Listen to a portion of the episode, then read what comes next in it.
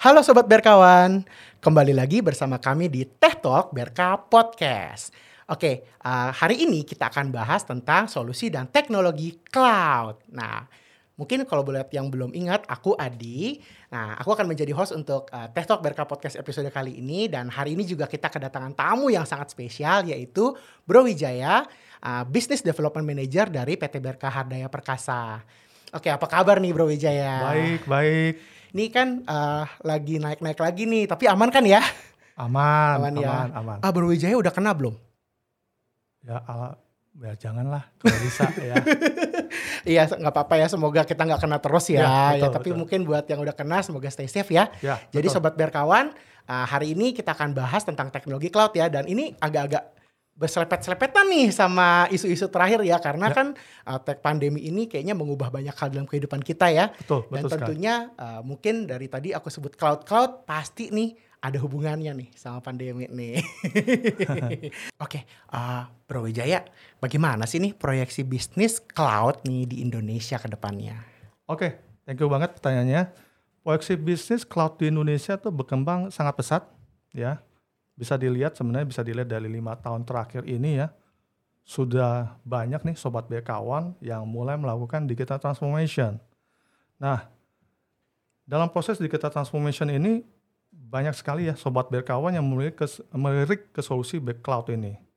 Apalagi pada masa pandemi eh, saat ini ya, di mana acceleration acceleration digital transformation semakin pesat dilakukan. Eh, kenapa hal ini terjadi? Eh, saya share sedikit ya tentang data ya untuk menguatkan nih. eh, kita kan bilang semakin besar nih, pesat nih perkembangannya. Tapi ini saya ambil data dari Gartner. Ini bisa dilihat April 2021 ya, data Gartner. Bisa dilihat eh, kita compare dari tahun ke tahun. Ini saya ngambil worldwide eh, public cloud service spending ya. Spending ya, jadi secara global ya, secara global ya. Ya karena eh, kebutuhan data Indonesia belum ada. Jadi kita ngomong secara global bisa dilihat eh, dari tahun 2020 ke 2021 itu ada growth sekitar spendingnya sekitar 23 persen. Di atas 20% ya? Ya, Besar ada sekali. growth untuk spending ya. Spending. sekitar 23 persen dan spending dibandingkan dengan estimate ya, estimate ke 2022 itu akan grow lagi sekitar 20 persen. Jadi total dari 2020 ke 2022 itu akan total growth tuh spendingnya sekitar 48 persen. Kalau spending itu berarti dia investnya ya untuk cloud itu meningkat hampir satu setengah kalinya hanya dalam dua tahun gitu ya Bro Betul Wijaya? sekali. Jadi Wow. itu.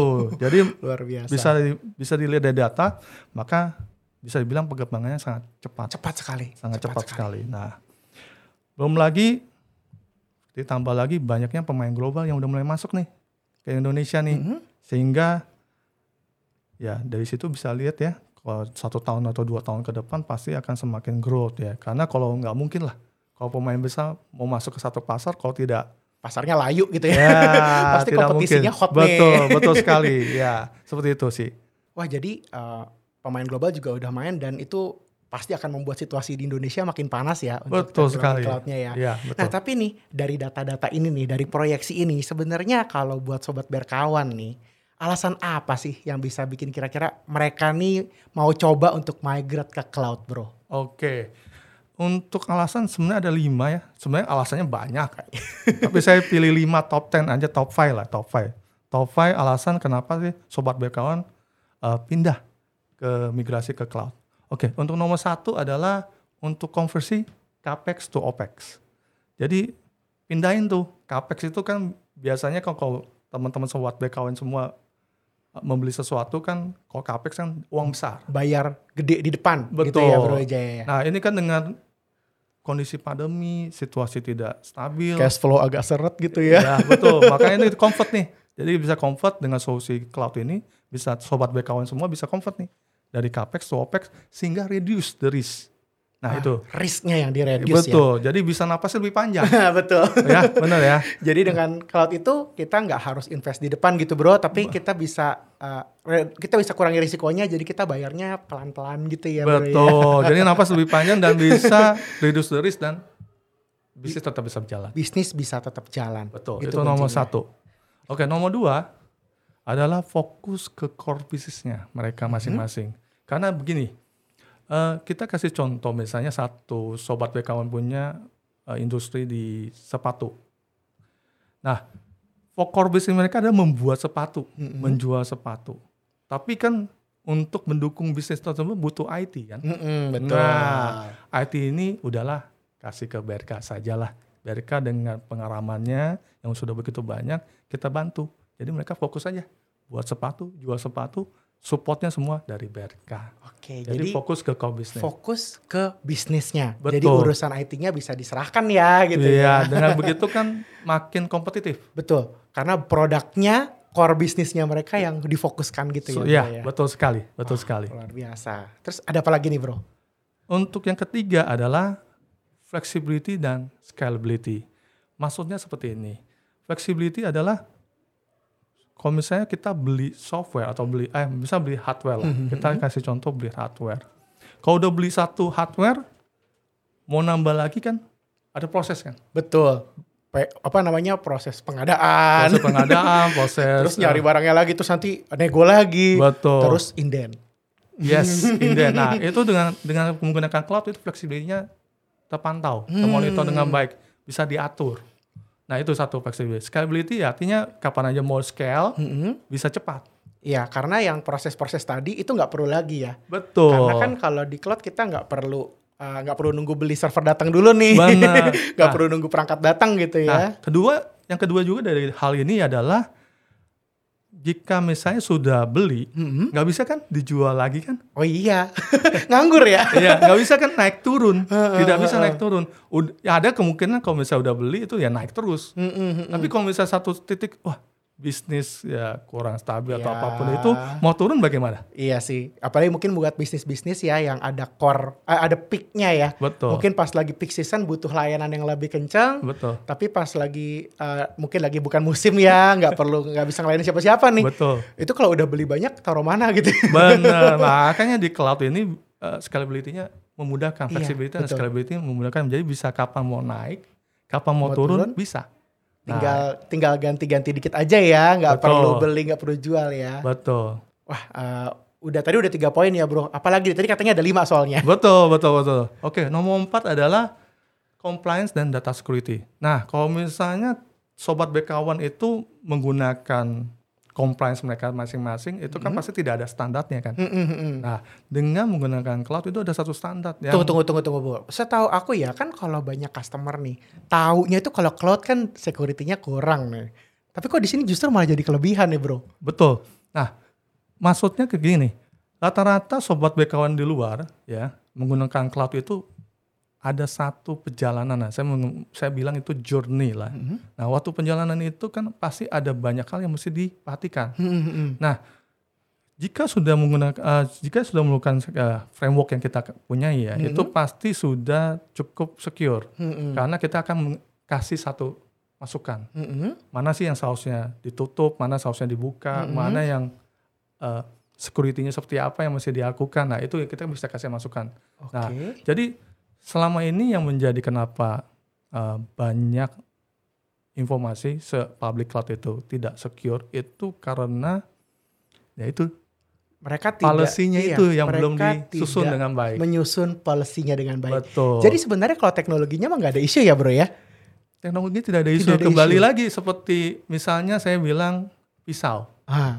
Pisau itu di kita ciptakan itu bisa jadi positif, bisa jadi negatif. Mm, mm, mm. Tergantung bagaimana penggunaannya. Bagaimana penggunanya? Betul. Jadi sobat berkawan nggak usah worry harusnya ya. Jadi Betul. justru sebenarnya kalau kita ikutin frameworknya yang benar dan secure, Ah, uh, justru cloud ini lebih compliance dan lebih secure juga. betul. Oh, itu luar biasa sih. Oke. Oke, itu udah empat nih. Oke. Satu lagi nih, tadi, tadi janjinya lima loh. Iya iya iya. Oke, betul betul. Yang terakhir adalah mobile and work anywhere. Kan lagi work from home nih. Mm-mm. Betul ya. Banyak perusahaan-perusahaan bingung juga nih. Waduh, karyawan pada disuruh work from home oleh pemerintah, ya kan? Nah, ini untuk gapnya seperti apa? Karena banyak juga sobat berkawan yang lain itu bingung untuk eh, kejar nih gap ini. Nah, dengan menggunakan cloud ini bisa nih jadi salah satu alternatif solusi untuk eh, mobile ya dan work from anywhere. Iya, soalnya kan gini ya bro ya, uh, kan pandemi nggak nunggu-nunggu ya. Terus mungkin ppkm besok bisa naik bisa turun ya. Terus kalau misalnya kita harus ya mungkin uh, sobat berkawan punya Ya. bisnis, uh, mungkin karena ya per- peraturan yang berubah-berubah gitu ya, Betul. harus tiba-tiba deploy uh, services atau layanan lebih Betul. cepat gitu ya, mungkin bisa manfaatin Betul. cloud gitu karena Iya. Solusinya bisa cepat ya, tadi fleksibel, scalable dan tentunya karena dia dari internet ya bro ya, diaksesnya Betul. dari internet itu Uh. berarti mobile worker yang tadi Ya. sobat berkawan kerja dari rumah itu semua bisa akses ya. Betul, betul sekali. itu sangat membantu sekali ya. Betul. Oh ini luar biasa sekali sih. Nah oke, tadi dari benefit-benefit tadi nih bro, Oke. sebenarnya layanan apa sih yang bisa Berkah Hardaya Perkasa kasih Nah. untuk solusi cloud ini? Nah, kita ada sebenarnya ada tiga ya kita garis besarkan ada private cloud, Mm-mm. ada public cloud, sama yang terakhir hybrid.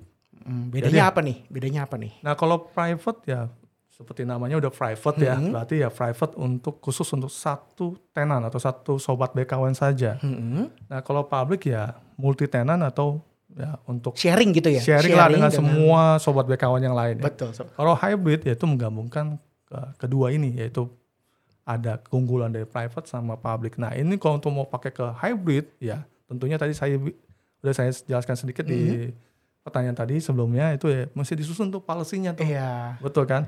Supaya perjalanan ini lancar.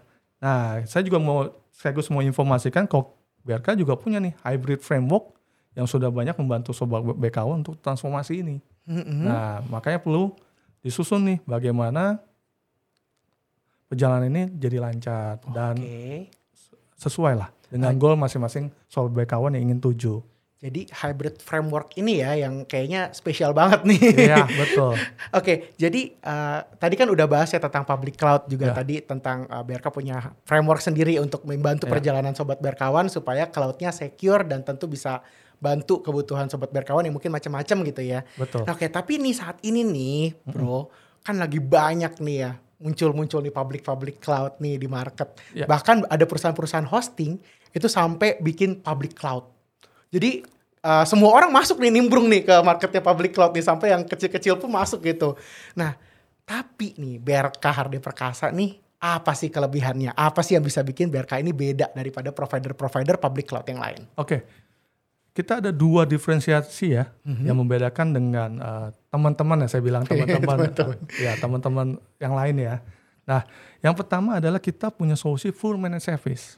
Oke. kita punya solusi full managed service. Di mana solusi full managed service ini poinnya adalah customer atau sobat BKwan itu tahu beres saja. Goalnya apa yang ingin capai? Misalnya contoh, saya mau menuju ke satu titik, misalnya saya ngomong kota lah ya. Mhm. Saya mau misalnya, misalnya menuju ke Bandung. Mm-mm. Ya udah, mau menuju ke Bandung. Tinggal ditentukan speknya, misalnya mau berapa orang yang ke sana Mm-mm. berapa lama, kapan, transportasinya mau apa, udara, darat. Nah itu tinggal ditentukan aja. Kita assess, kita assess. Nah itu simpelnya seperti itu, kita assess dan goal yang ingin ditu- dituju oleh sobat BKW itu seperti apa. Nah kita atur, kita atur semua. Tahu-tahu pokoknya adalah sobat BKW sampai saja ke Bandung. Jadi sobat berkawan nggak perlu pusing tuh mesti beli tiketnya di mana, Yes. mesti nyari mobilnya di mana, Yes, terus juga nanti bayar tolnya gimana itu nggak perlu pusing. betul. Tuh, jadi udah tinggal sebut aja mau ke Bandung enam orang misalnya Ya, gitu ya. Tanggal terus ya udah ah, tanggal berapa, mau udah nanti transportasinya apa. betul. Nanti tinggal berka uh, berkah reperkasi akan bantu untuk setup semuanya kayak travel jadi. Tapi managed service ya kayak itu begitu ya. managed service seperti itu. Full Jadi kembali menjawab tadi adalah membantu tadi pertanyaan tadi pertanyaan kedua tadi Mhm. core bisnis mereka. Core bisnisnya. Jadi mereka tinggal fokus di core bisnis, sisanya supportnya kita yang bantu. Iya, jadi mereka fokus tadi travel ke Bandung ya. Gak Iya. usah pu- pusing-pusing tuh mikirnya Yes. mesti naik apa, bayar apa. Betul, Fokus ke core bisnis, nanti sisanya disupport sama BRK. Gitu betul ya. sekali. Yang kedua adalah IT as a service. Jadi ini solusi adalah beyond the cloud. Kalau Beyond cloud ya cloud. beyond, beyond the cloud, di luar dari cloud. Lebih jauh Jadi, dari cloud ya? lebih jauh Wow. dari cloud. Jadi kita tidak hanya membantu kalau banyak eh, teman-teman yang lain ya, teman-teman eh, cloud yang lain itu kan hanya fokus di biasanya infrastruktur saja. Mhm. Kita juga bisa beyond beyond the cloud. Jadi IT-nya juga bisa kita bantu as a service. Nah itu jadi itu yang menarik. Kenapa kita bisa come out this service? Mhm. Itu balik lagi ke background backgroundnya BRK, di mana kita sudah puluhan tahun di solution integrator. Jadi tidak usah takut lagi, bisa dipercayakan semua ke BRK. Kita bantu untuk manage ini. Oke, jadi kalau untuk yang IT as a service ini ya berarti uh, sobat berkawan itu benar-benar udah nggak usah pusingin lagi urusan IT-nya. Jadi mau itu nanti misalnya pakai cloud gitu ya, Iya. itu pun yang akan bantu uh, sobat berkawan itu udah berka. Gitu Betul. ya. Jadi dua solusi ini saya saling bisa connect. Hmm. Saya bisa connect. Kadang-kadang saya sempat ke uh, environment sobat BKW yang lain ya, Mhm. di mana mereka udah siap nih mau pindah ke cloud, Cloud. cloud solution. Tapi ternyata infrastruktur di internal mereka belum siap. Oke, ya sering kali begitu ya Iya. karena dengar-dengar doang nih kayaknya Wah, seru nih. cloud, cloud semua ke, mau ke cloud, tapi ternyata ya solusi internal Infranya mereka mereka, belum infranya belum ready. siap. Nah seperti itu sih. Nah itu BRK bisa bantu dong. Bisa. Ah, itu yang penting. Jadi uh, sobat berkawan ya, kalau misalnya ada ide nih atau kebayang-bayang gitu pengen pindah ya, pengen migrasi ke cloud, mungkin uh, nggak selangsung bisa blok gitu pindah ya. Kadang-kadang harus ada yang disiapkan dulu ya, Bro Betul, Wijaya makanya tadi ya. saya bilang journey. Journey itu Iya. sebuah perjalanan untuk migrasi ke cloud. Dan ini sharing yang luar biasa dari Bro Wijaya hari ini. Mungkin aku sedikit simpulin aja ya Bro ya. Jadi uh, tadi kita di awal-awal udah bahas ya tentang uh, teknologi cloud, uh, benefitnya ya bagaimana fleksibel, scalable. Terus jadi kita uh, nggak perlu pusing lagi ya karena kita bisa fokus sama core business gitu. Nah terus uh, dan dari Berka sendiri ini kita nggak hanya sekedar jualan cloud ya. Kita nggak jualan domain, nggak jualan hosting cloud ya. Kita nggak jualan server aja. Tapi kita beyond the cloud. Kita juga jual IT as a service. Ya. Jadi uh, customer atau sobat berkawan gitu ya, itu tinggal terima jadi. Udah tinggal ceritain aja sama Berka gitu ya, Ya. butuhnya mau ke mana, mau perjalanannya mau ke mana. Nanti Berka akan bantu mulai dari siapin infrastrukturnya, dan tentu menyiapkan seluruh kelengkapan perjalanan sobat berkawan untuk migrasi ke cloud. Luar biasa sharing hari ini dari Bro Wijaya ya. Ya. Uh, mungkin sekian aja untuk episode Teh Talk Berka Podcast hari ini. Kita akan ketemu lagi di Teh Talk Berka Podcast episode selanjutnya. Jangan lupa like, comment, and subscribe.